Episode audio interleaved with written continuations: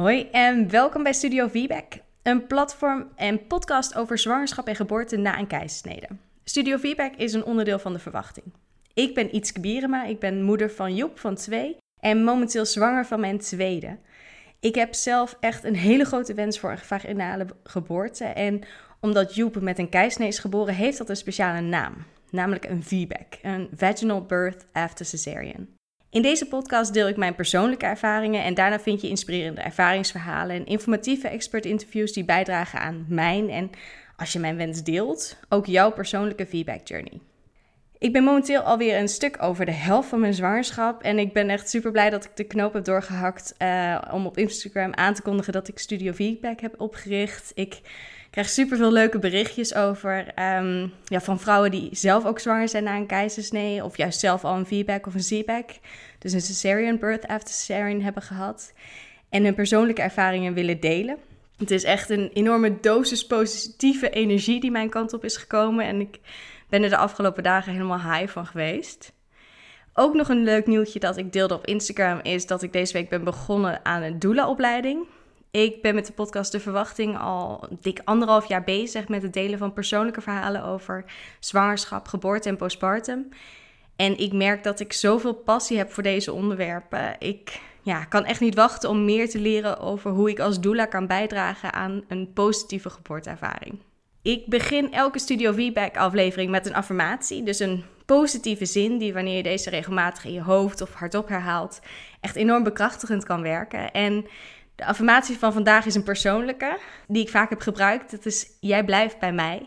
En het is een zin die toen ik tijdens mijn eerste zwangerschap um, heel onzeker voelde over of alles wel goed ging met mijn zoontje. Uh, die kwam ja, zelf bij me op. En ik heb hem heel goed kunnen gebruiken om mezelf rust en vertrouwen te geven dat alles goed zou komen. En ik hoop dat het jou ook aanspreekt. Vandaag is het tijd om het allereerste ervaringsverhaal te delen. En Marlies stuurde mij een berichtje over haar gekoesterde wens voor een feedback. En hoe zij, alhoewel het uiteindelijk toch een tweede keisnede werd, toch heel erg positief terugkijkt op haar ervaring. Ik vind het heel belangrijk om ook dit aspect van geboorte na een keisnee te belichten. Want ja, je kan je natuurlijk zo goed mogelijk voorbereiden. Er blijft toch een mogelijkheid bestaan dat het weer een keisnede wordt. Ik vind het superleuk dat uh, Marlies vandaag haar uh, verhaal wil delen. Welkom in de podcast, Marlies. Dankjewel. Wil je beginnen met iets over jezelf te vertellen? Ja, zeker. Um, mijn naam is Marlies. Ik uh, woon uh, in uh, Culemborg. Ik ben 35 jaar. Ik ben mama van twee dochters. Mijn dochter Noemi die is vier en mijn dochter Jamie die wordt morgen één. ik ben getrouwd met Jasper en ja, ik ben eigenlijk. ik vind het super leuk dat ik hier aan, aan mee mag werken en ik hoop gewoon ook vooral met, met mijn verhaal anderen weer te kunnen helpen of inspireren om, ja, om je hart te volgen en ook gewoon ehm, ja, een positieve belichting te brengen op iets wat uh, uh, als, als iets wat je heel erg graag wil, niet lukt. Ja. ja. ja. Nee, heel mooi. Ik uh, ben super benieuwd naar jouw verhaal. Waar wil je het beginnen? Ja, ik denk dat ik maar bij het begin ga beginnen. Ik heb in 2016 samen met mijn man onze dochter Noemi mogen verwelkomen. En eigenlijk een hele goede zwangerschap gehad. Zij uh, uh, zat wel heel goed in mijn buik. Dus uh, nou ja, de, de, weken die streken maar voorbij. En we passeerden de 40 weken. En ik, ik, was echt, ik was echt topfit eigenlijk. Ik had ook zelf helemaal niet het gevoel ehm, er, er, klaar mee te zijn. Of ja, dat ik, dat ik het idee had dat zij op hele korte termijn zou komen. Het was ook wel, wel prettig in die zin dat je ja, even nog die extra tijd hebt om te genieten. En ik kon daar ook wel van genieten op een gegeven moment ga je toch een beetje zo richting 41 weken en 41,5 weken. En ja, dan wordt er toch natuurlijk wel, je gaat vaker op controle en er worden toch wel vragen gesteld. En uh, nou ja, de, de, de CTG's en de, de, de, de controles waren iedere keer goed en mijn bloeddruk was goed. Dus ja, voor mij was dat eigenlijk geen reden om uh, tot actie over te, over te gaan. Ik had echt zoiets van laat haar maar vanzelf komen. Um, maar goed, het, ja, op een gegeven moment gingen we die 42 weken over. En toen was het toch wel een beetje van, ja, wat, wat gaan we nu doen? Ehm, nou goed, toen hebben we nog allerlei uh, dingetjes geprobeerd om dat toch vanzelf op gang te laten komen. En dat, uh, dat gebeurde niet. En toen hebben we ook, eigenlijk is toen al een beetje de vraag gaan toen is eigenlijk al een beetje mijn, ja, hoe zeg je dat? Dat, dat de, de interesse en ook het doorvragen ontstaan. Dat ik dacht van oké, ja, de, de protocollen zijn er en de regels zijn er en de, de, de statistieken zijn er, maar ik voel me goed. Dus waarom zouden we overgaan tot interventie als dat niet nodig is? Dus ik heb toen wel ook allerlei uh, gesprekken nog gevoerd en ik heb toen ook uh, uh, contact gehad met de op maat in Amsterdam, waar ze ook al best wel vooruitstrevend waren destijds in uh, zwangerschappen die over die 42 weken heen uh, liepen. ik heb toen ook nog contact gehad met een, een, een caseload-verloskundige hier in, in Culemborg, om ja, toch een beetje te overleggen van wat ik nou het beste kon doen. En op een gegeven moment heb ik voor mezelf een beetje de knoop doorgehakt van, nou ja, als ze dan dat was dan dat je een beetje aan het begin van de week uh, voor jezelf ziet van als er nou donderdag nog niks is, dan ga ik toch maar wel mee in nou ja, de inleiding dan in dat geval. Dus uh, nou goed, dat hebben we gedaan. En uh, ja, het zat gewoon nog helemaal dicht. Er was echt. Ik heb ook geen krampje, geen, geen, geen harde buik. Ik heb ook echt helemaal niks gehad. Wat ook maar ergens leek op dat die bevalling eraan zat te komen. Dus ja, ze hadden het gewoon heel goed bij mij. En ik denk dat als, als we niet uh, tot actie waren overgegaan, dat ze er nu nog in hadden gezeten. Nee, dat is natuurlijk onzin. Maar goed. Um, in ieder geval, dat de, die, die, die uh, bevalling die, uh, is dus. Um, uh, ingeleid. En uh, ze zijn begonnen met zo'n ballonkatheter en uh, weeopwekkers. En nou goed, dat werd gewoon een, een, heel medisch verhaal. Um, ik had zelf al heel snel eigenlijk dat ik voelde dat de, de snelheid waarmee die weeopwekkers werden verhoogd en het tempo waarmee dat ging, dat mijn lichaam dat niet bij kon benen. ik had ook eigenlijk heel erg de wens voor een natuurlijke bevalling. Ik had ook de wens voor een badbevalling. Nou, dat, dat ging eigenlijk allemaal het raam uit, want um, ja, dat, dat kan dan dus niet meer. Dus ja, dan is het soort van, ja, zodra je dan uh, in, in, in dat stukje komt, dan is het gewoon, uh, nee, dat, dat, dat mag dan niet en, en dat mag niet en dat kan niet. En, uh, dus het was voor mij allemaal, oh, oké, oh, oké, ja, je krijgt dan nee te horen. En je denkt dan ook dat je het daarmee moet doen in al je onervarenheid en alles wat je echt letterlijk overkomt. En um, ben wel heel blij dat ik toen zelf al wel. Ik was wel heel helder ook erbij. En dat ik ook tegen mijn man zei van uh, ik wil een ruggenprik. Want ik voel nu al dat dit hem niet gaat worden.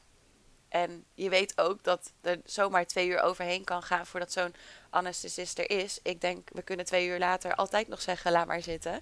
Maar ik dacht dat, uh, ja, dat had ik wel echt heel goed aangevoeld.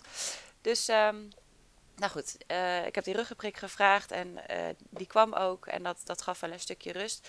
Nou goed, ik heb op die manier uh, met de WO-packers uh, uh, de 10 centimeter ontsluiting gehaald. ik heb persweeën gekregen en nou, ik dacht, nu gaat het lukken. en ik was ook heel erg ervan overtuigd dat het ging lukken. En, maar goed, zij, ja, mijn, mijn dochter die, die, die zakte niet dat bekken in. En ja, op een gegeven moment um, kreeg zij het ook echt wel slecht en uh, daalde haar hartslag. En werd het op een gegeven moment toch een beetje penibel in de kamer. En hè, dan komen er steeds meer mensen bij. En ja, ik was echt uh, in, de, in de veronderstelling dat ik goed bezig was. En dat was ik ook. En het lag ook echt niet aan mijn. aan de kracht of aan de energie of zo. Of dat, dat was eigenlijk helemaal het probleem niet. Maar ja, wat het probleem wel is geweest, dat zal altijd een beetje onduidelijk blijven. Of je bekken dan te smal is, of dat zij toch niet goed voor de, ja, goed in mijn bekken lag. Of hoe dat, ja, wat daar nou exact de reden van is geweest, dat, uh, dat, dat, dat weet ik niet. Dus ze is wel echt op een gegeven moment heel laag gekomen. Toen hebben ze nog tot drie keer toe een vacuümpompje geprobeerd. Maar ze, ze, ja, ook dat gaf haar dus onvoldoende kracht om, uh, om er dus uit te komen. Dus uh, nou goed, dan heb je natuurlijk in eerste instantie de klinisch verloskundige, dan komt de artsassistent. En als het dan dus echt na drie keer vacuümpomp uh, nog niet lukt, dan komt dus de gynaecoloog. Die wordt dan volgens mij van zijn bed gelicht. Uh, en ehm, dat was echt een, eh, nou ja, tussen aanhalingstekens de, de oude rot in het vak. Een, een man van echt, ja, ik denk al bijna op, pensioen, op pensioenleeftijd. En die, kwam, die heeft nog één keer dat vacuümpompje geprobeerd. En die, die sprak toen de legendarische woorden: Meisje, we gaan opereren. En toen dacht ik: Opereren? Er is niemand die tegen mij heeft gezegd van Marlies. Uh, Noemi heeft het slecht. Nou, dat wist je natuurlijk niet. Maar de baby heeft het slecht. Uh, de, de, de, hartslagje daalt steeds. Ik was helemaal in mijn eigen bubbel. Helemaal één met mijn kindje en die bevalling. En dat ik dacht, nou, dit gaat ons gewoon lukken. En zo overtuigd van dat ik er bijna was. Dat ik dacht, nou, dat, dat kwam zo rauw op mijn dak op dat moment. Oh, jong. Ik had dat echt niet. Uh, ik, ik heb, ze hebben mij toen wel verteld van. Uh, daar, daar, had ik ook al een beetje een, een, een, een, een nare associatie bij. Maar als ze dan een vacuümpomp gebruiken, dan wordt er ook een knip gezet. En dat ik ook al dacht, ik wil die knip niet. En nou ja, dat. Maar goed, dat je ook denkt, als je er dan bijna bent, prima, laten we dat doen. Maar goed, uh, ja, toen was het dus echt voor mij out of the blue, we gaan opereren. Terwijl Jasper op die, op die monitoren al de hele tijd zag van, oeh, komt die hartslag wel weer terug. En die zag al veel meer de blikken die heen en weer gingen en zo. En ik zat natuurlijk helemaal in mijn eigen bubbel. Dus uh, ja, dat, dat, dat kwam, dat was echt, uh, ja, dat was gewoon echt heel heftig. En ja, toen, toen was het gewoon wel echt zo penibel dat ik dat het dus met rokende bandjes naar de OK was. En uh, ja, dat het daar dan, daar is het gewoon allemaal heel snel gegaan. En uh, ja, ik had ook nog nooit iets gehad. En ik ben ook nog nooit in mijn leven geopereerd. Dus ik had ook nog nooit een operatiekamer in het echt van binnen gezien. En er stond wel 25 man daar. Ja, het was echt zo intens en zo overweldigend. Ik heb echt, oh, ik had geen idee wat me overkwam. En het overkwam me dus ook allemaal. En ik heb dus ook achteraf um, ja, onvoldoende uh, nagedacht, of eigenlijk onvoldoende voorbereid op dat een bevalling ook kan uitlopen op een keizersnede. Dat ja, op de een of andere manier ben ik daar onvoldoende uh, bewust van geweest of onvoldoende mee bezig uh, geweest. En ja, je hebt dan zoveel vertrouwen en zoveel zin ook daarin. En ja, ik, ik stond daar zo uh, positief tegenover. Ik dacht gewoon echt, dat gaat lukken. Maar dat ging dus niet lukken. En uh, nou goed, die geboorte ging verder allemaal goed. Het was dus wel, ja, um, snel. En ze, ze, ze, ze, werd geboren en ze deed het op zich ook wel gelijk heel goed. Er was wel ook meconiumhoudend vruchtwater. Dus ja, Noemi heeft gewoon wel echt stress gehad tijdens de geboorte. Maar uh, ja, daarna was eigenlijk alles wel uh, gelijk goed met haar. Zij heeft wel prima start gehad. En uh, ja, het was, het was voor mij persoonlijk gewoon een hele pittige ervaring. Um, ook omdat je daarna werd ik dan gescheiden van haar. Dus um, Jasper die kwam wel met haar bij mij zitten. Maar ik heb dus ook dat moment met haar dat je er dat je, dat ze gewoon dat je gelijk huid op huid met je babytje hebt, dat heb ik niet gehad. En je gaat dan toch eerst naar Verkoever en voordat je weer terug bent op je kamer, ja, ik, ik wist echt niet meer wat voor en achter was. Nee. Heel bizar. Ja. ja heftig inderdaad. En je zat zo heerlijk in je bubbel. Complete wereld buitengesloten. Eigenlijk super fijn. Ja. Maar ja, dus ze hadden dus ook niet eerder overlegd van... hé, hey, we zien een patroon wat niet helemaal ja, is zoals we het graag zien. Is een mogelijkheid of ja, uiteindelijk ehm, blijft het denk ik alsnog gewoon een, in overleg hoort het te gaan. Ja. Ehm, en ja, de, de gynaecoloog had dus een hele duidelijke mening daarover.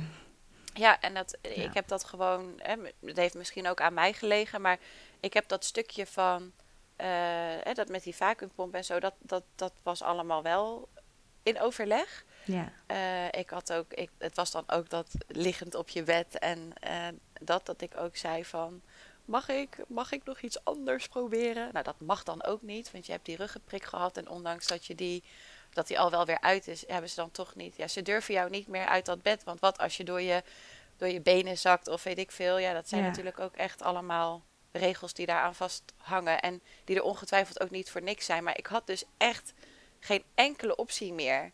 Nee. Toen ik daar dus, nou ja, eigenlijk een soort van 100 meter voor het einde van, hè, voor, de, voor de finishlijn, dat je na een marathon, dat je hem gewoon aan kan tikken. Dat je voor je gevoel in dat Olympisch stadion die finish kan aanraken. dat je dan ruikt zeggen, de overwinning bijna. Ja, dat, echt. Ja, ja en dat ik daar dus op dat moment gewoon totaal niet in betrokken ben. Van Marlies, we kunnen het nog één of twee of drie keer proberen. Als het dan niet lukt, dan, hè, dan moeten we daar. En dan gaat er X, Y en Z gebeuren. En ja, dat, nee, dat is er gewoon niet geweest. En dat, het was dus ook gewoon toch echt wel stress op dat moment. En dan met, met volle bak persweeën naar OK. En ja, dat is gewoon echt ja, is gewoon zo heftig geweest. Ja. Ja. ja. Nee, niet, uh, niet de start van, van je moederschap zoals je het uh, voor je had gezien, zeker. Nee, nee, nee, nee niet echt. Nee. En, um, maar goed. Hoe, ja. Laten we even kort, hoe, hoe was je herstel van de keizersnee? En hoe keek je daarop terug? Uh, want ja, Noemi, had, ja. uh, Noemi had gelukkig een goede start. Dat is natuurlijk fijn. Ja. Maar ja, je hebt niet samen die gezamenlijke goede start zoals je het hoopt uh, te krijgen. Ja, nee, dat, dat heeft. Uh, ja, ik heb wel gewoon heel veel werk gemaakt van, van mijn herstel. Ik heb dat wel echt, echt bloedserieus genomen. ik heb echt, ja, wat ze dan ook zeggen, van het niet tillen en echt zo min mogelijk traplopen en al die dingen ik heb me daar gewoon heel strikt aan gehouden. En ik heb ook het gevoel dat dat me uh, goed geholpen heeft. Ik moet ook wel zeggen dat ik er super fit in ging. Dus um, ja, ik heb echt tot ver in mijn zwangerschap door kunnen sporten. Dat heeft denk ik ook in mijn herstel enorm uh, geholpen.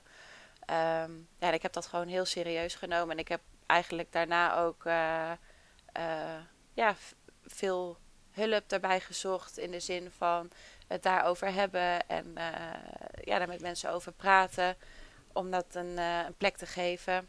Ik heb dat ook uh, op het energetisch vlak ja, wat dingetjes op gedaan en uitgezocht.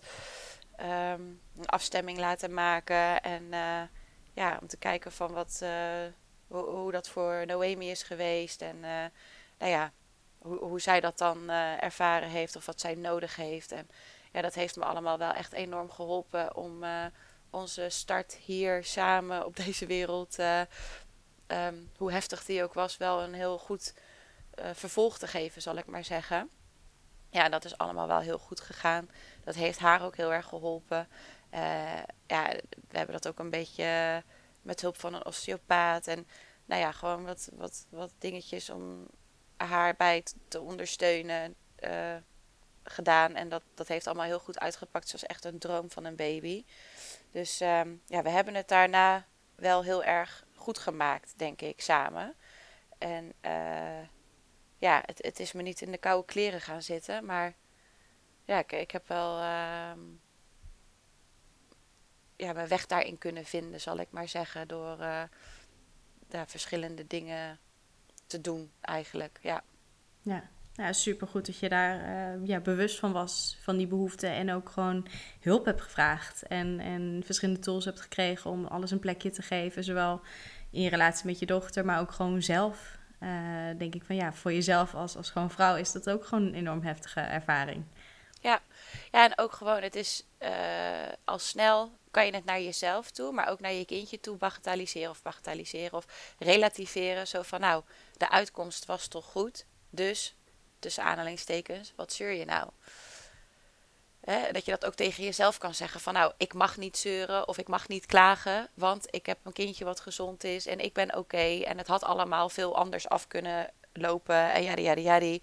Maar ja, dat neemt niet weg dat de ervaring en de weg naar ons samen zijn wel heel pittig was en dat dat ook iets met je doet en dat dat echt wel een hele intense en heftige ervaring is alleen al dat ik tegen mijn man zei: Wat doen al die mensen hier in die operatiekamer? Weet je, dat ja, er staat gewoon echt 25 man klaar om ervoor te zorgen dat, uh, dat wat er dan ook op dat moment gaat gebeuren, dat ze daar gewoon echt helemaal klaar voor zijn. En ja, dat, dat, dat, dat maakt indruk en dat, dat, dat, um, ja, dat is gewoon een, uh, um, een, een, echt een, ja, het is echt een indrukwekkende, intense ervaring geweest. En uh, ja, je hebt daar bepaalde dingen in gemist. Uh, die je heel graag anders had gezien. Zoals bijvoorbeeld dat eerste huid-op-huid contact.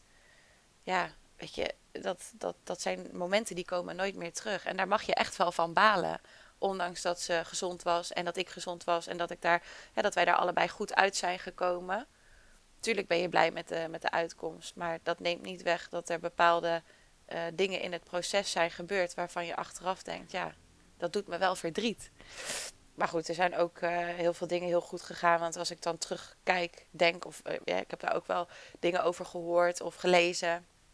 Dat vrouwen zich dan zo dat die ergens op een gang werden gezet. Of echt nou van die hele schrijnende ervaringen. Dat je denkt, oeh, dat is nog heftiger. Ik ben wel echt heel lief uh, uh, verzorgd bij die, op die verkoever. En dat, je, ja, dat dat allemaal wel echt, daar heb ik allemaal wel een heel goed gevoel aan overgehouden. En had je op een gegeven moment ook wel gelijk de wens van, nou, mocht er nog een tweede kindje komen, zou ik het heel graag vaginaal weer ja, willen proberen? om het zo maar te zeggen. Of de, ja, hoe zat je daarin? Nou, het heeft wel lang geduurd voordat die wens überhaupt kwam. Want ja, ik vind een, uh, een zwangerschap en een bevalling is toch gewoon echt wel een hele uh, aanslag op je, ja, op je lichaam eigenlijk. Ik vind het echt een. Uh, ja, ik vind het echt wel een beetje next level.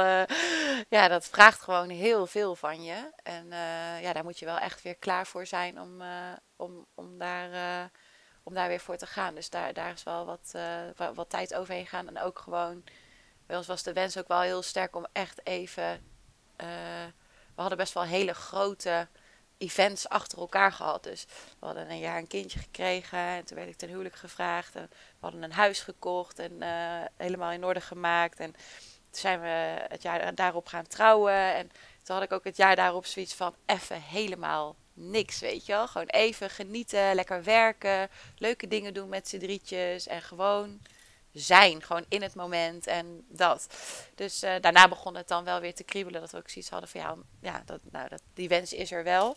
En ook wel gelijk, uh, uh, ja, eigenlijk van metafaan had ik ook wel de wens om, om vaginaal te bevallen. En dat, dat ja, ehm, de, daar, daar, ja, daar toch weer voor te gaan en dat te proberen. Ja, 100 procent. Ja. ja. En, en wat pakte je deze keer dan anders aan? Of, of heb je iets anders aangepakt voor, uh, voor deze zwangerschap en geboorte? Ja, ik had al vrij snel door ook dat ik dacht... Um, het, het was wel een hele zoektocht, want ik had heel sterk het gevoel, het moet anders. Maar ik wist nog niet zo goed waar ik moest beginnen.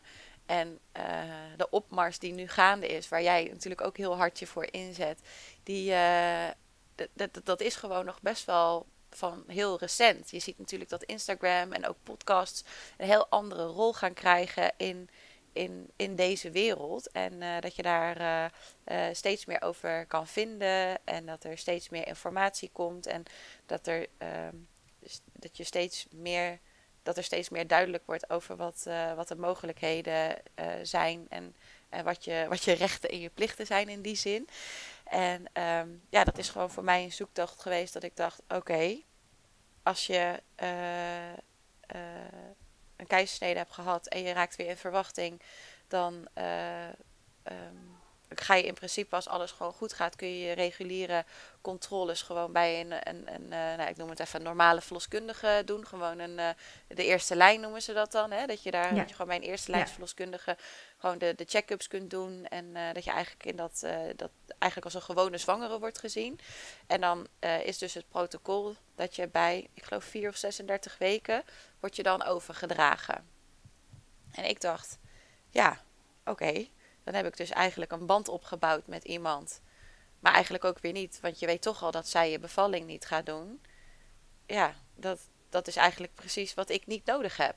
Ik heb eigenlijk iemand nodig die, um, ja, die, die met mij dat proces in wil gaan en door wil maken. En uh, ik wil eigenlijk gewoon weten wie er aan mijn bed staat straks.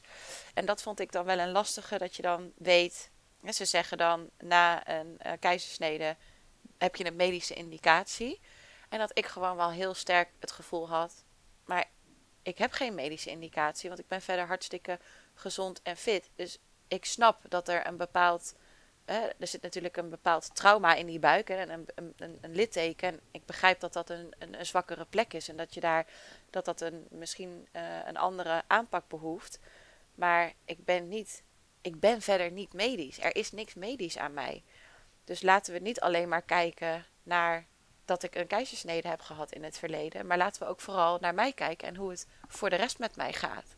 Want ik ben meer dan alleen die wond van de vorige keer. Dus uh, nou goed, dat, dat, zo is dat eigenlijk een beetje gaan lopen. En uh, ik was bij deze verloskundige praktijk en ik had daar al een paar keer ook het gevoel gehad dat ja, het was daar gewoon druk. En uh, er kan natuurlijk altijd voorkomen dat je door hoe het loopt uh, in die wachtkamer zit voor een, uh, voor een controle. En dat dan die afspraak uitloopt of dat er spoedjes tussendoor komen. En daar, dat, daar heb ik ook echt alle begrip voor, want je weet nooit wat het verhaal daarachter is.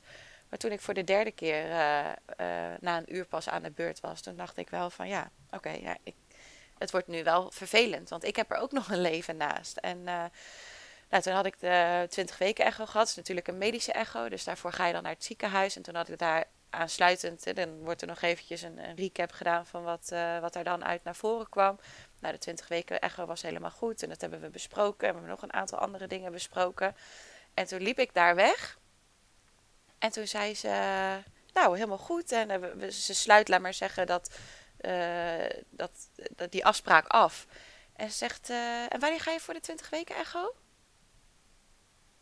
En toen, ja, toen snapte er iets in mij. Toen dacht ik, je hebt echt geen idee wie je voor je hebt. En ik heb hier net dus een heel kwartier gezeten.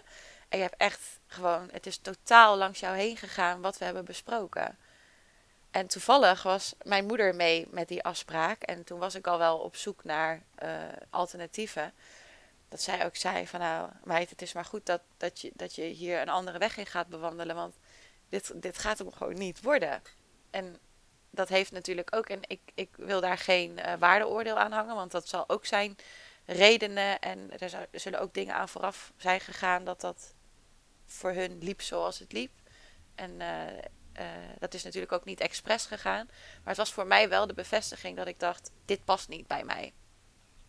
Dus nou goed, toen ben ik gaan kijken naar alternatieven. En ik had bij mijn eerste zwangerschap had ik bij uh, Chantal van Homburg, de placenta-specialist, had ik uh, pillen laten draaien van mijn, uh, van mijn placenta. En um, zij zit natuurlijk ook in het wereldje, zij is ook doula. En toen heb ik haar gebeld en gezegd: Nou, Chantal, dit is een beetje wat er speelt. Heb jij nog. Wat, wat heb ik nou nog voor opties? Wat, wat, wat zijn er nou nog voor mogelijkheden in de regio Utrecht? Uh, met, dat het ook op een andere manier kan. Nou, toen heeft ze mij een paar tips gegeven. En uh, zo is eigenlijk dat balletje gaan rollen. Um, zo bleken er een aantal ook uh, in Utrecht gevestigde verloskundige praktijken te zijn die zich dan ja, die wat meer op dat ja, ze noemen dat dan toch een, een zorgvraag buiten de richtlijn geval. Dat je dus, uh, uh, nou ja, dat, op die manier ben ik dus een beetje uh, met, heeft zij mij wat, wat namen en, en, en opties gegeven voor wat ik eens zou kunnen proberen. En zo ben ik eigenlijk in contact gekomen met Margot. En ehm, ja, toen is eigenlijk dat hele balletje gaan rollen.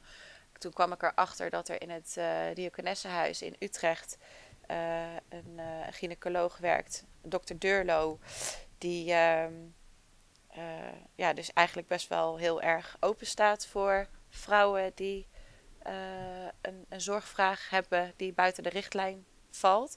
En in mijn geval was dat dus eigenlijk dat ik heel graag wilde weten uh, wie, er, wie er voor mij zou zijn. Ik heb toen ook overwogen, dan zou, dat dan, zou, zou ik een, een doula vragen om mij te ondersteunen in dat proces.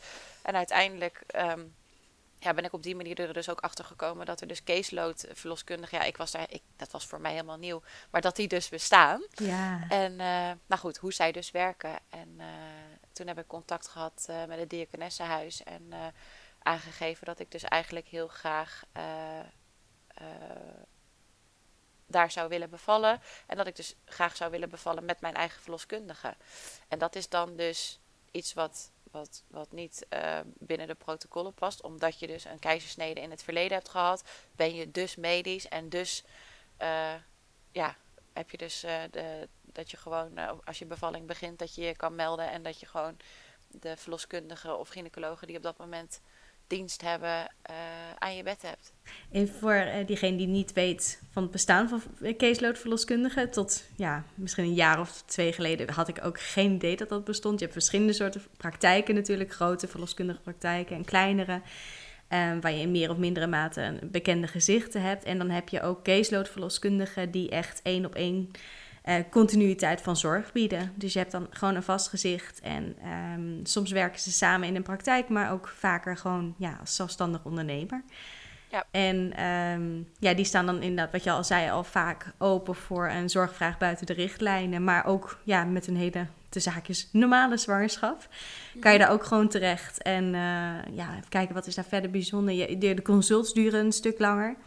Dus normaal gezien heb je ja, 10, 15 minuten per consult. En uh, in ieder geval de caseload die ik heb, dat kan je makkelijk een uur voor nemen.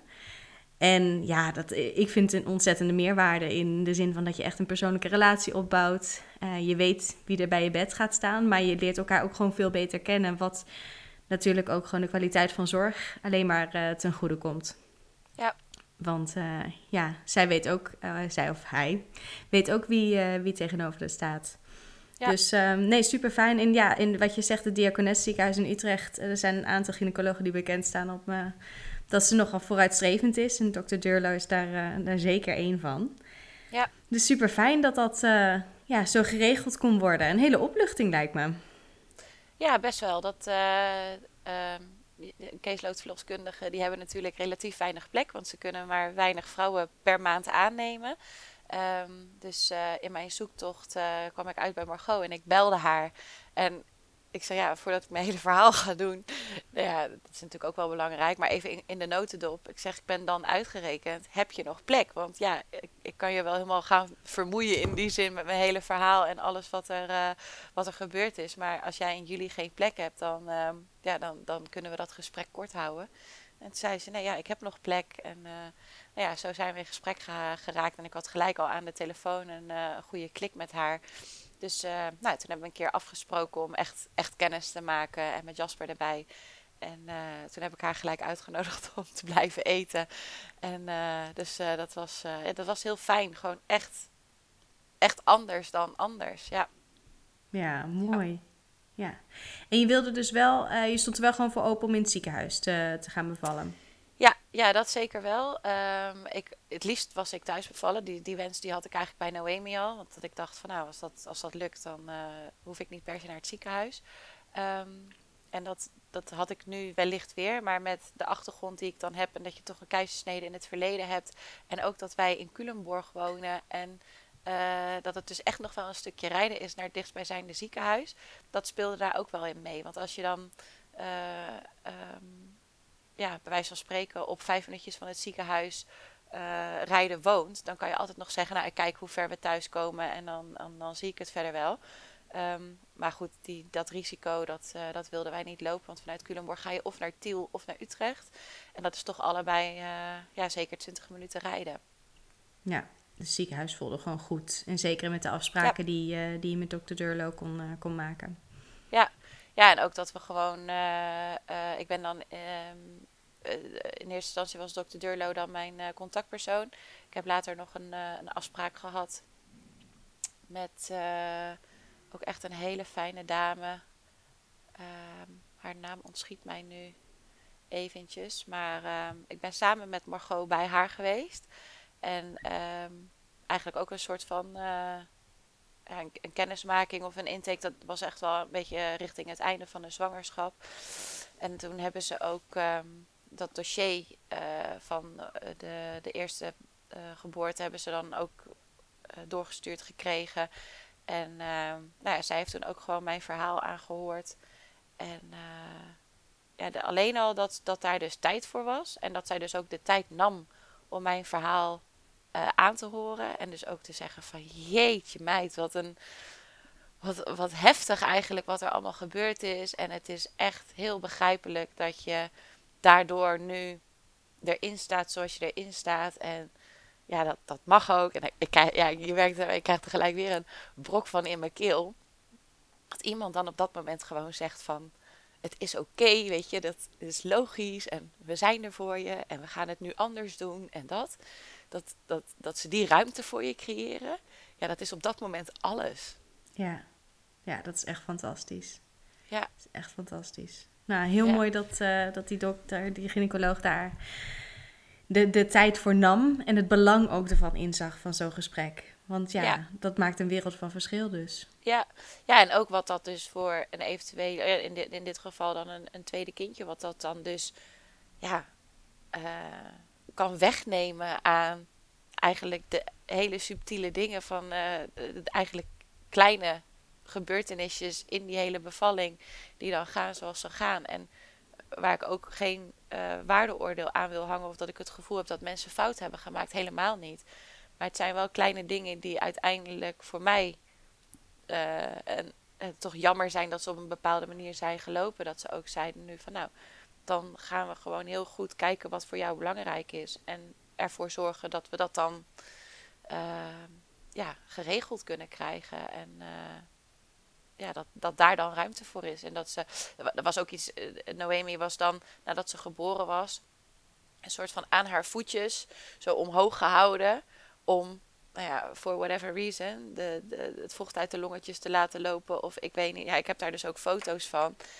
Dat ik ook zei, en ik wil niet meer dat mijn kindje aan haar voetjes op de kop wordt gehouden. En gewoon echt dat soort kleine dingen van. En ze moet bij mij gelegd worden. En uh, nou ja, dat, die dingen allemaal, die voor mij belangrijk waren, dat, die, dat je dat dan niet nog een keer hoeft mee te maken. Dat daar, uh, ja, dat daar dan uh, de ruimte voor, ja. Voor was. Ja. Ja, ja en voor mij was het fijn dan... om dat allemaal uit te spreken, lijkt me, naar iemand. Dat je niet daar nog op later mee in je hoofd gaat zitten. Van, oh, misschien gebeurt het. Maar het is al uitgesproken. Het is uit je lijf, uit je systeem. Er zijn afspraken over gemaakt. Ja. Door. En dat zij ook gewoon zeggen, hè, dat de gynaecoloog ook zei... Eh, dit, dit, dit is, je, je bent oké, jij bent oké, het is logisch, dit mag er zijn... Uh, wij zijn er voor jou en we gaan het anders doen en het komt goed. En dat, dat dus aan de ene kant, dus eigenlijk aan het medische uh, verhaal. En aan de andere kant nam Margot dus als caseloadverloskundige de moeite om met mij mee te gaan naar Utrecht. En gewoon in die zin weer er voor mij te zijn. En ze heeft daar eigenlijk alleen maar gezeten. Een zakdoekjes aangegeven. Zij hoefde daar natuurlijk eigenlijk helemaal niks.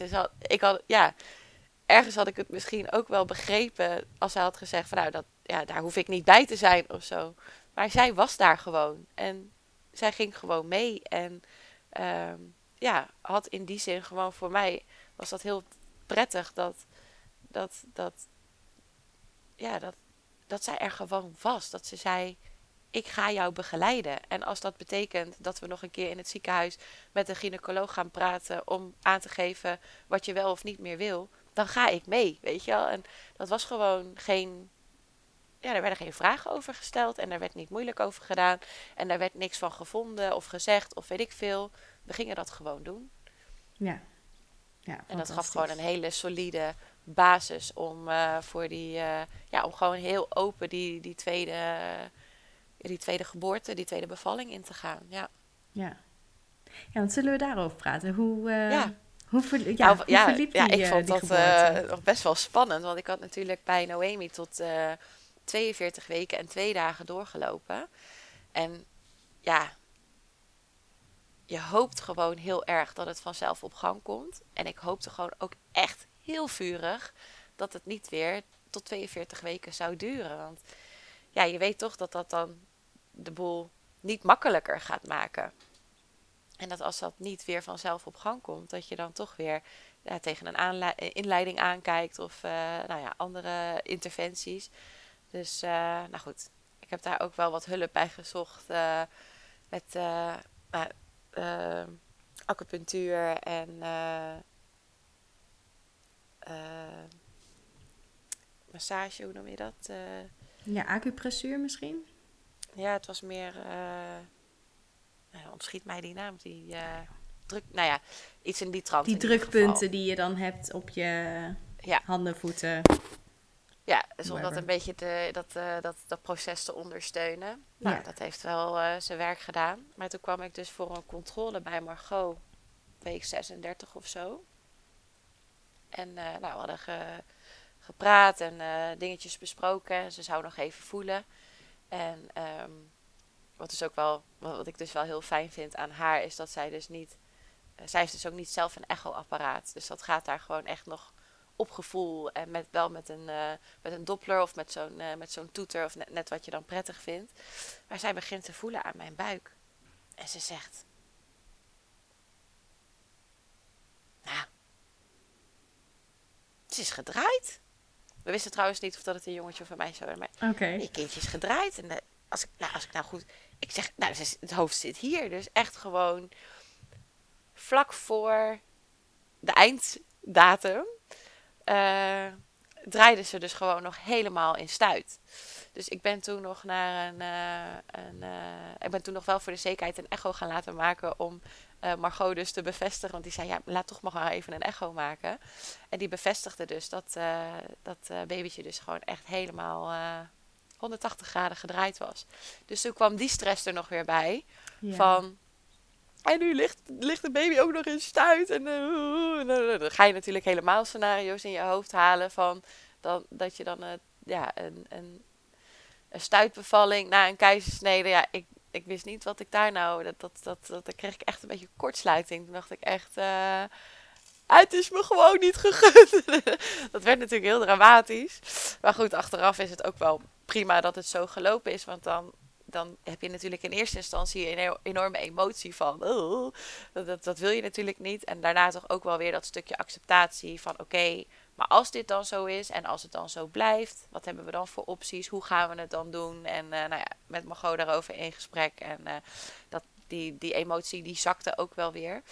Um, dus toen hadden we ook, uh, zijn met Moxa in de, in de weer geweest. En nou, het was natuurlijk ook de vraag, wil je een versie of niet? Hè? Dat, je, dat je kindje gaan draaien van buitenaf. Nou, dat ik ook echt al dacht, dat is helemaal niks wat ik wil, dat helemaal niet. Nou, één drama natuurlijk.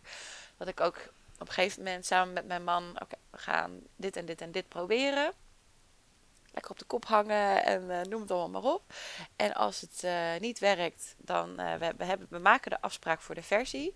We gaan daar gewoon naartoe. En als het op dat moment toch niet goed voelt, dan doen we het niet. En als ze halverwege zijn en je denkt toch bij jezelf: nee, ik wil dit gewoon echt niet. Dan zeggen we gewoon: stoppen, we gaan dit niet doen. Uh, goedjes, we stappen op en we kijken nog wel even hoe dit verder gaat. Maar ik was gewoon echt van plan om heel dicht bij mezelf daarin te blijven. Dus um, nou goed, we hadden dan de week daarop hadden we dan, of aan het eind van die week hadden we dan de, de afspraak. En dat ze ook zeiden van ja, het komt eigenlijk bij deze termijn niet meer voor dat kindjes nog helemaal draaien. En heb je het dan niet gevoeld of gemerkt? Of ik zeg ja, nou ja, eigenlijk niet. Ik, uh, nee, niks van, niks gevoeld. Geen rare, dat je echt denkt, wow, dat, er gebeurt echt iets uh, in je buik. Ja. En um, nou, we kwamen dus dan in het ziekenhuis. Er was ook wel in het diak. En uh, je, er wordt natuurlijk eerst een, een liggingsecho gemaakt. En ze zetten die, die echo-kop erop. En wat denk je? Zoals gedraaid. ja. Yay. Dus toen was ook, dat gaf op de een of andere manier, ja, ik denk toch dat dat dan ook zo heeft moeten zijn. Of dat dat dan nodig was voor, voor je, voor dat stukje acceptatie. Dat, dat je dan op dat moment, dat er alweer iets gebeurt waar je dan geen invloed op hebt. En dat je dan dus ook gelijk alweer gedwongen wordt om daar dus op te anticiperen. En om dus daar op een manier mee om te gaan die voor jou werkt. En waar je dus van denkt, oké, heb ik hier invloed op? Wat kan ik doen? Uh, wat, wat kunnen we niet doen? En, uh, wat wil ik? En zo. En voor de rest de acceptatie van it is what it is. En toen was ze dus gedraaid.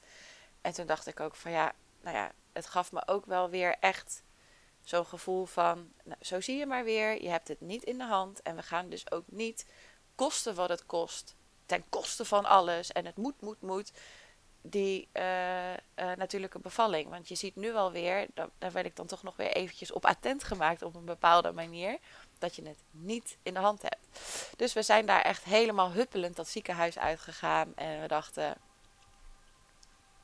alle lichten op groen en uh, lekker genieten nog die laatste weken en we zien het wel.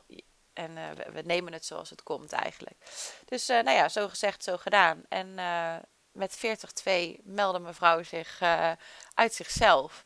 En dat, ja, dat was eigenlijk wel heel bijzonder. Zij begon een beetje te rommelen. Dat ik dacht, ik heb een beetje buikpijn. Maar omdat het natuurlijk bij mij de vorige keer ingeleid was, wist ik dus niet hoe dat zou voelen of wat, wat er zou gebeuren.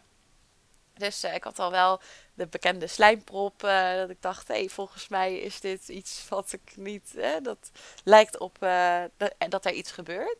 Ja. En ehm, toen ben ik nog die dag. Ja, ik had afgesproken, mijn ouders wonen in de buurt van Arnhem. En ik ben gewoon nog in de auto gestapt naar Arnhem. Ben nog een dagje daarheen gegaan. En ik had nog een afspraak bij de schoonheidsspecialisten. En zo heb ik ook nog gedaan. En toen was ik bij mijn moeder. Ik zeg, ik heb een beetje buikpijn. En toen grapte ik ook tegen haar. Maar ik weet niet of dat ik nou buikpijn heb in, in mijn buik. Of dat ik pijn heb in mijn babybuik. Dat ze me al zo aankeek. En toen zei ze ook, blijf je nog eten? Ik zeg, nee, ik blijf niet eten. Ik denk dat ik maar naar huis ga. En toen kwam ik thuis. En toen zei ik wel, als al het eerste wat ik tegen Jasper zei. Zei, ja, ik denk dat het begonnen is. En toen keek hij me aan. En toen moest hij een beetje lachen. Want hij dacht dat ik een grap maakte. Hij zei, ben je nou serieus? Of, uh... Ik zeg, ja, ik denk het wel. Maar ik weet natuurlijk niet hoe het voelt. Dus het was eigenlijk heel grappig. En uh, zei, ja, wat zullen we dan doen? En uh, nou, een beetje zo giebelig, weet je wel. Het was een... Oeh. En ehm, toen heb ik Margot gebeld. En ja, die zei, oh, leuk. En nou, weet je wat, anders kom ik wel even langs. Dus uh, dat was dan ook niet een vraag of moeilijk. Of nee, die zei ook gelijk van, ik kom wel even kijken. En uh, nou, toen heeft ze me gecheckt. En toen uh, bleek ik al helemaal verstreken te zijn. En twee centimeter ontsluiting te hebben. Dus ik was echt helemaal...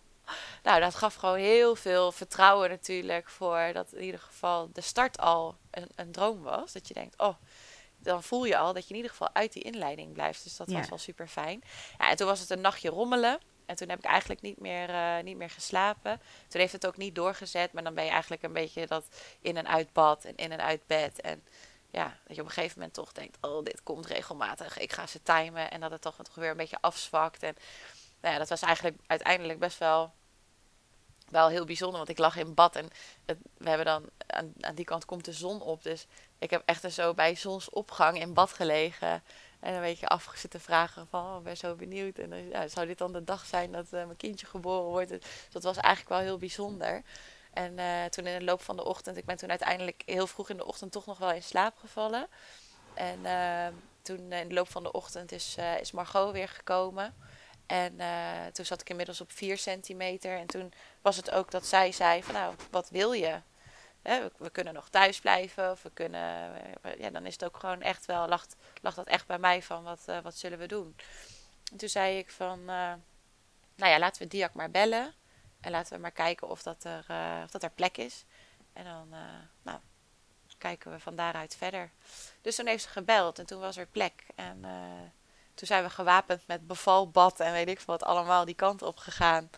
En hebben we onze intrek daar genomen in een, in een beval. Ik had ook nog wel een beetje dat ik dacht, oh ja, en dan met de auto en dan met weeën daar naartoe en zo. Dat zijn natuurlijk ook allemaal van die spannende dingen wat je dan ook nog niet eerder hebt meegemaakt. En uh, nou goed, ik merkte ook wel doordat je dan in beweging bent en doordat je dan gaat verplaatsen en zo zwakt het weer een beetje af.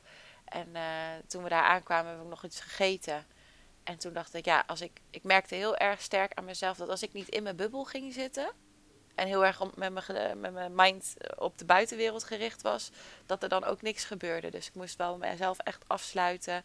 En uh, dus ik ben gewoon uh, met mijn uh, hypnobirthing meditatie in mijn oren op bed gaan liggen. En ik heb gewoon mijn ogen dicht gedaan. En Margot en Jasper die zijn dat, dat bevalbad gaan opzetten. En zo was natuurlijk nog best wel een klus daarmee aan de slag gegaan. En nou goed, zo zijn we eigenlijk die, uh, die geboorte ingegaan. Ben lekker in bad gegaan. En ik heb dus helemaal op eigen kracht en in mijn eigen bubbel. We hebben daar gewoon de deur dicht gedaan en het bordje op niet storen. We hebben eigenlijk niemand meer gezien. Ik had een draadloos CTG. Dat is ook nog wel zo'n dingetje. Ze willen je natuurlijk in het ziekenhuis continu monitoren. En ehm, ja, op een gegeven moment zit je dan met die, met die banden en in het water. En je kindje beweegt natuurlijk. Dus op een gegeven moment dan kunnen ze het niet meer zo goed monitoren. Dat ik op een gegeven moment ook echt gewoon die banden even af heb gedaan. En uh, uh, ja, dat Margot ook zei van ja, ik ga ze niet bij jou omdoen. Ik ga ze niet bij jou afdoen. Het is jouw keuze. En uh, ze zullen zo meteen wel gaan komen om. Zij zien natuurlijk op de, op de schermen dat ze je babytje niet meer kunnen monitoren. Dus ze gaan daar zo meteen nog wel weer voor langskomen. Maar dan kijken we wel even. Dat ik ook zei van nou helemaal goed. En dat het voor mij gewoon goed voelde om te weten dat het goed was. En toen heb ik gewoon een beetje op en af. Iedere keer 20 minuten CTG. En als dat dan gewoon nog steeds allemaal mooi, stabiel en goed eruit ziet, eventjes af. Dat je heel even niet zo aan banden ligt de hele tijd. Nou, en dat ging eigenlijk hartstikke goed. En zo ben ik, ja, die ontsluiting ging niet heel, heel rap. Uh, maar goed, ik hoefde ook niet uh, continu gecontroleerd te worden. Maar uh, ik heb daar eigenlijk op die manier een beetje, beetje in bed en een beetje in bad zo op, op en af um, zijn we samen naar uh, uh, 10 centimeter ontsluiting gegaan. En dan merk je dat het een beetje, ja, dat dat dan verandert en dat die weeën veranderen. En dat je dan even in zo'n beetje zo'n, even zo'n paniekmomentje, dat je denkt, oh, kan ik dit wel? En het wordt ineens anders en uh, hoe nu? Maar goed, er was um, Margot er natuurlijk uh, bij. En uh, nou, dat ging echt helemaal goed. En het, het was voor mij al zo'n fantastische ervaring dat ik gewoon met mezelf en mijn kindje die weeën op kon vangen. En dat ik dat dat. Het was te behappen. En ja, het werd zwaarder. En ja, het werd intenser. En weet ik wat allemaal. Maar het ging gewoon heel goed. Ik was in control. Ik voelde me veilig. Ik wist waar ik was. Ik wist hoe we het gingen doen. Ik wist wie er bij mij waren. En dat gaf gewoon op dat moment zoveel rust en vertrouwen. Dat ik daar, dat ik daar ook helemaal aan toe kon geven. Nou ja, en toen toen ik dan eenmaal bij die, die 10 centimeter was en kon gaan persen, toen, uh, nou ja, toen werd, het, uh, um, werd het een beetje zoeken naar houdingen en plekken en hoe ik dat nou het beste kon doen. En um, toen heb ik een uur echt actief geperst. En toen heb ik ook nog een, uh, een baarkuk geprobeerd en ik heb op bed en nou ja, eigenlijk allerlei houdingen nog aangenomen om ja, Jamie geboren te laten worden. Maar ja, zij zakte gewoon niet naar beneden. Ze zakte gewoon niet mijn bekken in. En ja, toen was het op een gegeven moment wel dat ook dan... En dan komt wel de, de, de, de, gynaecoloog erbij. En dan ga je natuurlijk wel overleggen van... Oké, dat ook zei, oh, zijn we al een uur bezig? Weet je, de tijd vliegt dan ineens voorbij. Um, en we hadden niet van tevoren al helemaal geregisseerd van... Oké, we gaan het dan... We gaan het zus of we gaan het zo. Um, maar goed, ik, ik, ik vroeg toen ook nog van ja, heb, ik dan nu nog, wat voor, wat voor mogelijkheden heb ik dan nog? Hè? Want na een uur persen zat ze dus nog uh, zo hoog dat je dan ook niet, wat je dan de vorige keer had, dat ze dan, dat ze dan zo laag zit dat je kan met een vacuümpomp en een knip, dat ze dan dat laatste stukje kunnen helpen. En uh, dat ik toen ook eigenlijk, uh, toen de gynaecoloog dus tegen mij zei van ja, nee, dat, dat kan niet. Daar, dat, uh, daar zit je kindje nog te hoog voor, dat is geen optie toen heb ik ook eigenlijk zonder naar Margot of zonder naar Jasper te kijken, heb ik gezegd: dan gaan we keizersnede doen en dan wil ik het ook nu. Toen zei ze: dat is goed, dan gaan we nu elkaar bellen, gaan we kijken of er, of, er, of, eh, of, er, of er plek is of hoe dat dan ook werkt. En ehm, ja, dat is dan wel heftig, want die perseeën die gaan natuurlijk gewoon door. En dat ik achteraf ook denk, had ik dit niet met iemand moeten overleggen, maar dat zij ook zeiden, nee, want dat was dus iets wat helemaal vanuit jou kwam. En dat jij dus die call maakte en dat het jouw keuze was op dat moment van, oké, ik heb alles gegeven, we hebben dit een uur geprobeerd, ze zit nu nog steeds daar. Ja, je had dan nog wel weer, weet ik veel, een ruggenprik kunnen krijgen of weeopwekkers kunnen vragen of weet ik veel, maar dat wilde ik dus niet het moest gaan en het moest, het moest lukken. En we gingen niet ten koste van alles dan maar, dan maar door. Dus uh, nou goed, het was natuurlijk wel coronatijd. Dus het was nog wel van, hè, mag Margot dan mee naar OK? Dat dat allemaal, dat, dat je die, die, die verloskundige en die verpleegkundige daar al zag kijken van, oh, dat krijgen ze echt niet voor elkaar. Maar goed, er was een... Uh, een bepaalde anesthesist waar iedereen wel van wist. Want de anesthesist die bepaalt dan daar. Okay. En die vond het geen probleem. Dus uh, nou goed, die, uh, die was daar en uh, Margot mocht mee. En toen was het, ja, de weg naar OK was dan wederom natuurlijk wel weer pittig. Omdat je natuurlijk met volle bak persweeën daar naartoe gaat. En het was ook niet zo dat je dan, dat hoor je natuurlijk ook nog wel eens, hè, dat je dan bij elkaar komt en dat je dan alsnog het hoofdje staat. Of dat het alsnog bijna daar op de operatiekamer natuurlijk geboren wordt. Maar ehm, ik werd klaargemaakt en toen maakten ze mijn buik open. En toen zei, uh, je hebt natuurlijk al die verschillende lagen. En ze had ook al wel van tevoren aangegeven van, uh, als we de operatie beginnen, dan moeten we natuurlijk wel door meer lagen heen. Omdat er natuurlijk ook nu littekenweefsel is. Dus hè, dat betekent niks. Maar er was nu ook geen spoed. Het ging goed met Jamie. Het, ging, het was al die tijd goed gegaan met Jamie. Het ging goed met mij, dus we hadden ook de tijd. En zij maakte mijn buik open. En toen ze dus bij mijn baarmoeder kwamen en ze raakte die van de buitenkant aan, toen sprong die open. En dat is iets wat je eigenlijk, wat ze eigenlijk nooit zien. Dus de, de gynaecoloog kwam ook echt zo over dat schermpje heen, mij dat vertellen. Van, nou, dat is eigenlijk zo zeldzaam. En dat ze me later ook heeft uitgelegd dat je baarmoeder, uh, om een kindje uit te kunnen drijven. Het is natuurlijk een spier, maar dat hij wel in zijn geheel moet kunnen werken. En dat hij ook helemaal sterk moet zijn om dat te kunnen bewerkstelligen. En ze zegt, doordat, doordat het bij jou dus, hè, door dat litteken en door de, nou ja, de beschadiging eigenlijk van de vorige keizersnede, was het zo dun geworden dat het dus, ja, het, het, het barstte dus vanuit, vanaf de buitenkant kapot. Dus het had nooit uh, natuurlijk gelukt. Omdat gewoon de kracht er niet meer was. Alles wat je dan nodig hebt, dat, dat, dat was dus niet, uh, het was dus nooit gelukt. En ja, het was dus linksom of rechtsom sowieso op een keizersnede uitgelopen. En doordat er dus nu geen stress was, nou, en ze natuurlijk mijn achtergrond kenden, werd het een gentle cesarean en hebben ze daar dus echt wel, uh, of een, een gentle section noemen ze dat geloof ik, dat het dan dus niet, uh, ja, omdat die, die, die, die stress er dan niet is, is het dus allemaal wat, wat langzamer wat rustiger. En laten ze eerst het hoofdje geboren worden en nou, het was echt prachtig. En uh, Jasper die mocht, want dat is dan vaak ook met een keizersnede, dat ze natuurlijk, de gynaecoloog knipt de navelstreng door omdat ze in de buik bezig zijn. En dan later, als alles goed is met het kindje, dan mag papa nog de navelstreng doorknippen. Maar goed, dat is natuurlijk eigenlijk ook een beetje een wassen neus, die, die navelstreng. Maar die mocht dus echt nu de echte navelstreng zo door het, uh, door het scherm heen doorknippen. Dus dat was ook heel bijzonder. Ja, ze hebben er echt wel alles aan gedaan om daar voor ons een, hele mooie, uh, bijzondere en warme ervaring van te maken. En uh, nou, ze werd gelijk bij mij gelegd en uh, ja, ze is ook niet meer, niet meer weggegaan. En ja, het was daardoor zo'n andere ervaring. En hebben de mensen die op dat moment daar waren en die op de hoogte waren van hoe het voor ons was gegaan de vorige keer, er zoveel, ja, op hun manier allemaal moeite voor gedaan om daar voor ons een mooie ervaring van te maken. Dat je ja, gewoon een hele, hele relaxte. Ja, je, je voelt je gewoon gehoord. En ik denk dat dat gewoon echt wel een, een, een dingetje is wat dan heel belangrijk is. Dat je gewoon dat je, dat je gehoord en gezien wordt in datgene waar je uh, in die zin een trauma of verdriet op hebt, hebt gelopen. En dat ze dan jou willen helpen op dat moment. Om dat eigenlijk te helen of niet nog een keer te laten gebeuren. En ja, ja dat was gewoon ronduit bijzonder. En ook dat Margot daarbij mocht zijn, omdat ze natuurlijk eigenlijk als, als verloskundige, als eerste lijn caseload verloskundige, in een, in een operatiekamer natuurlijk niks meer te zoeken heeft. Maar dat zij er gewoon was voor ons. En uh, ik moest dan even naar Vancouver. En Jamie ging dan al wel naar, uh, uh, terug naar de kamer samen met papa. En heeft papa haar lekker huid op huid genomen. Het is dan toch eventjes voor jezelf even bijkomen. En ja, Margot bleef bij mij. Dus ik ben gewoon geen seconde alleen geweest.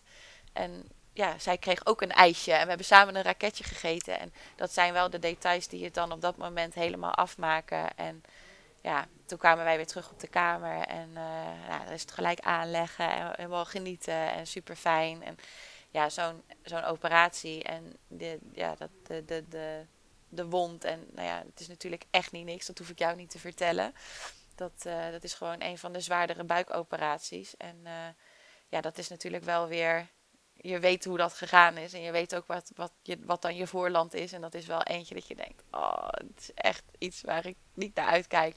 Waarvan je ook weet dat het weer goed komt. Maar uh, ja, toen is Margot ook weggegaan. Die zei: Ik ga lekker. En uh, ik, ik laat jullie nu lekker genieten. We hebben gauw weer contact. En nou, zo is het gegaan. Maar zij was er gewoon altijd. En zij is gewoon. Dat, dat, was, dat heb je natuurlijk met een caseload verloskundige. Ze kwam. En ik wist gewoon, zij gaat niet weg totdat Jamie geboren is. En dat gevoel. En dat die mensen er met z'n allen, met dat team, en, dat, je, dat je voor jezelf bent opgekomen. Dat je hebt aangegeven van nou, dit en dit en dit zijn de dingen die mij gewoon echt uh, pijn of verdriet of uh, trauma hebben opgeleverd. Ik, ik wil dat niet meer. En kunnen we het binnen het redelijke, kunnen we het zo en zo doen. Want ja, ik ben ook niet, je wil ook niet tegen alles maar ingaan en gewoon er bij voorbaat al recalcitrant en dwars en ik, ik wil het bij voorbaat al niet. Nee, helemaal niet. Ik begrijp dat er regels en protocollen en bepaalde dingen zijn in een ziekenhuis en in een medische situatie. Die moeten we ook serieus nemen. Wat voor bewegingsruimte heb ik daar nog in met wat mijn persoonlijke achtergrond is? En dan zeggen zij, nou, deze en deze en deze en deze. Nou, super fijn. Kunnen we dan met z'n allen dat doen? Nou, gaan we doen. En zo hebben we het gedaan. En ja, ik ben uh, uh, na zes weken weer op controle geweest bij uh, dokter Vernooy heeft de keizersnede uitgevoerd in het DIAC. En ik kwam ook weer bij haar en toen zei ik ook tegen haar, ik zeg, heb je nou nog enig idee wie ik ben? Want je krijgt natuurlijk zo, je hebt in de tussentijd zoveel uh, operaties gedaan en zoveel moeders en baby's ter wereld geholpen. En zei ze, ja, maar dat een, dat een baarmoeder vanaf de buitenkant open springt, je, je leest het natuurlijk wel weer even in, maar ze zegt dat, ja, dat vergeet je echt niet zomaar. En ja, dat je dan ook iemand in de ogen aan kunt kijken en dan oprecht kunt bedanken voor dat ze er voor jou waren en dat zij toen Jamie haar hoofdje geboren werd, zei van... Hallo kleintje, welkom. Uh, weet je zo, echt zo liefdevol. Dat je dan iemand kan aanzeggen, uh, aankijken en kan zeggen van... Nou, dankjewel dat je dat hebt gedaan, want dat heeft voor ons zo veel betekend. Dat, je dan, dat, die, dat die vrouw, nou, je zag haar gewoon heel professioneel blijven, vond ik echt super knap. Ik zag dat zij ook zat te slikken. Van, oh ja, ja. Natuurlijk ook een mens, maar ja, dat... dat ja ja, dat, dat je dat dan ook weer terug kan geven aan zulke mensen. Dat, het zijn natuurlijk artsen. En dat je dan, ja, je kan. Ik had op dat moment er ook voor kunnen kiezen om dat achterwege te laten. Maar dat je dan op dat moment er ook heel bewust voor kiest om dat weer terug te geven aan diegene die voor jou op dat moment het verschil hebben gemaakt. Daarmee maak je ook weer het verschil voor haar. En dat je dan zegt van, het is zo waardevol wat je doet. En blijf dat vooral doen. Want het maakt echt het verschil voor moeders, maar ook voor babytjes. Ja. Oh, ik krijg helemaal tranen in mijn ogen van. Inderdaad, wat mooi. Ja. Ah, wat een ander begin dan. Ja, van, uh, van compleet ja, leven van je dochtertje en, en jullie start samen met uh, gezin, oh ja, als gezin van vier. Ja. Ja, echt prachtig. Heel ja. fijn. Super mooi ja. verhaal. Ja. Dus ja, ik hoop ook gewoon heel erg dat. Kijk, het, het, het, het blijft voor mij altijd een gemis dat ik die ervaring niet heb. Ik had natuurlijk gewoon het liefst ook ja, het liefst thuis in bad. En uh, ja, dat, dat, dat, dat leek me helemaal fantastisch. Maar ja, als dat dan niet gaat, om wat voor reden dan ook, ja, dan, dan moet je daar natuurlijk een weg in vinden. En als je dan op deze manier een eerdere ervaring toch uh, kunt helen eigenlijk. En dat uiteindelijk de uitkomst is wat je niet wilde. Maar dat je dan toch, toch doordat je daar uh, op een bepaalde manier op voorbereid bent. En ook ja, de autonomie en je eigen je eigen keuzes en je eigen gevoel hebt kunnen en mogen volgen. En dat er dus mensen waren die zeiden dat is oké. Het is misschien niet via uh, langs de echt gebaande paden, maar het is oké. En we gaan jou daarbij helpen. En het is redelijk wat jij vraagt. Ja, als het dan zo loopt en het wordt dan toch een keizersnede, ja, dan kan je daar ook wel weer echt berusting in vinden. En dan is het goed dat het zo gegaan is. En bleek in mijn geval persoonlijk dat het nooit anders had gekund. En dat dat, ja, dat het, dat het gewoon goed is zo. Ja, ja fantastisch. Ook dat jij, ja, jouw gevoel was dus gewoon ook heel duidelijk. En ik denk dat dat is een element wat je, als je kijkt naar de. Um, ja, je hebt het dan over de uterusruptuur en, en de risico's van zo'n zwangerschap na een keizersnede. Het gevoel van de moeder, dat is ook zo ontzettend bepalend. En, en als er iets aan de hand is, heeft in ieder geval, dat is nu wat ik een beetje als ik aan het inlezen ben, vooral terug zie komen. Moeder heeft het al eerder door dan wat voor apparaat of wat voor systeem of wat voor arts dan ook. Ja. Ja, en dat was bij jou dus heel duidelijk het geval. Ja. ja, en dat je nu ook veel meer die verbinding had. Ik had veel betere verbinding met mezelf en dus ook een veel betere verbinding met mijn kindje. En dat, dat had ik de, bij mijn eerste niet. Want dan is het allemaal zo nieuw en heb je zo geen idee. En had ik wel verbinding met mezelf. En, maar heb ik dus nooit dat gevoel gehad dat het niet ging lukken. Terwijl ik nu echt dacht, ja, het was ook echt, het was bij wijze van spreken mijn mond al uit voordat ik er zelf echt bewust van was van wat ik zei. Dan gaan we, dan wil ik een keizersnede en dan wil ik hem nu. Dat waren mijn exacte woorden. Dat was ook gewoon echt, uh, het was ook echt oké. Ja. er was ook niemand die nog aan mij ging vragen van, nou ja, zullen we nog een kwartiertje proberen? Of uh, hè, dit zijn nog je opties of zo. Ja, dat was zo duidelijk. Nou is ook een andere voorgeschiedenis en iedereen weet dat al. Dus ze staan er natuurlijk ook wel anders in. Maar uh, ja, dat gevoel, dat, dat, dat sterkt je dan op dat moment zo enorm. Ja, dat, dat, dat, ja, je gunt natuurlijk iedereen een, een vaginale, mooie vaginale geboorte na een keizersnede als, als, dat, als, dat, als dat kan en als dat lukt. En ja, ik, ik hoop gewoon hiermee wel echt mee te kunnen geven dat als dat niet lukt, dan zijn er ook echt mogelijkheden en, en, en wegen te bewandelen om ervoor te zorgen dat je dan onder de gegeven omstandigheden alsnog krijgt wat je belangrijk vindt. En als dat dan is dat ze niet met de pootjes omhoog gehouden moeten worden, of als dat dan is dat je je kindje gelijk bij je krijgt, of als dat dan is dat je man door dat plastic heen uh, de echte navelstreng mag doorknippen, ja, dan, dan, dan vraag je echt niet te veel. Nee. nee, ik denk dat jouw verhaal hier eh, echt een ontzettend mooie bijdrage aan gaat leveren. Dankjewel. Ja, heel graag gedaan. Op studiofeedback.nl deel ik meer informatie en foto's van Marlies. En op Instagram praten we verder over onderwerpen die vandaag naar voren zijn gekomen. Als jij jouw persoonlijke verhaal wil delen of als je een professional kent die echt een verschil kan maken in mijn feedback journey en die van andere vrouwen, laat het me dan vooral weten. Vergeet niet dat je ook in mijn andere podcast De Verwachting nog veel meer verhalen over zwangerschap en geboorte en postpartum vindt. Heb je met plezier geluisterd? Laat dan vooral een review achter in de Apple Podcast app via Google of Instagram. Ik vind het altijd super leuk om te lezen wat uh, je hiervan hebt meegenomen. Tot de volgende keer.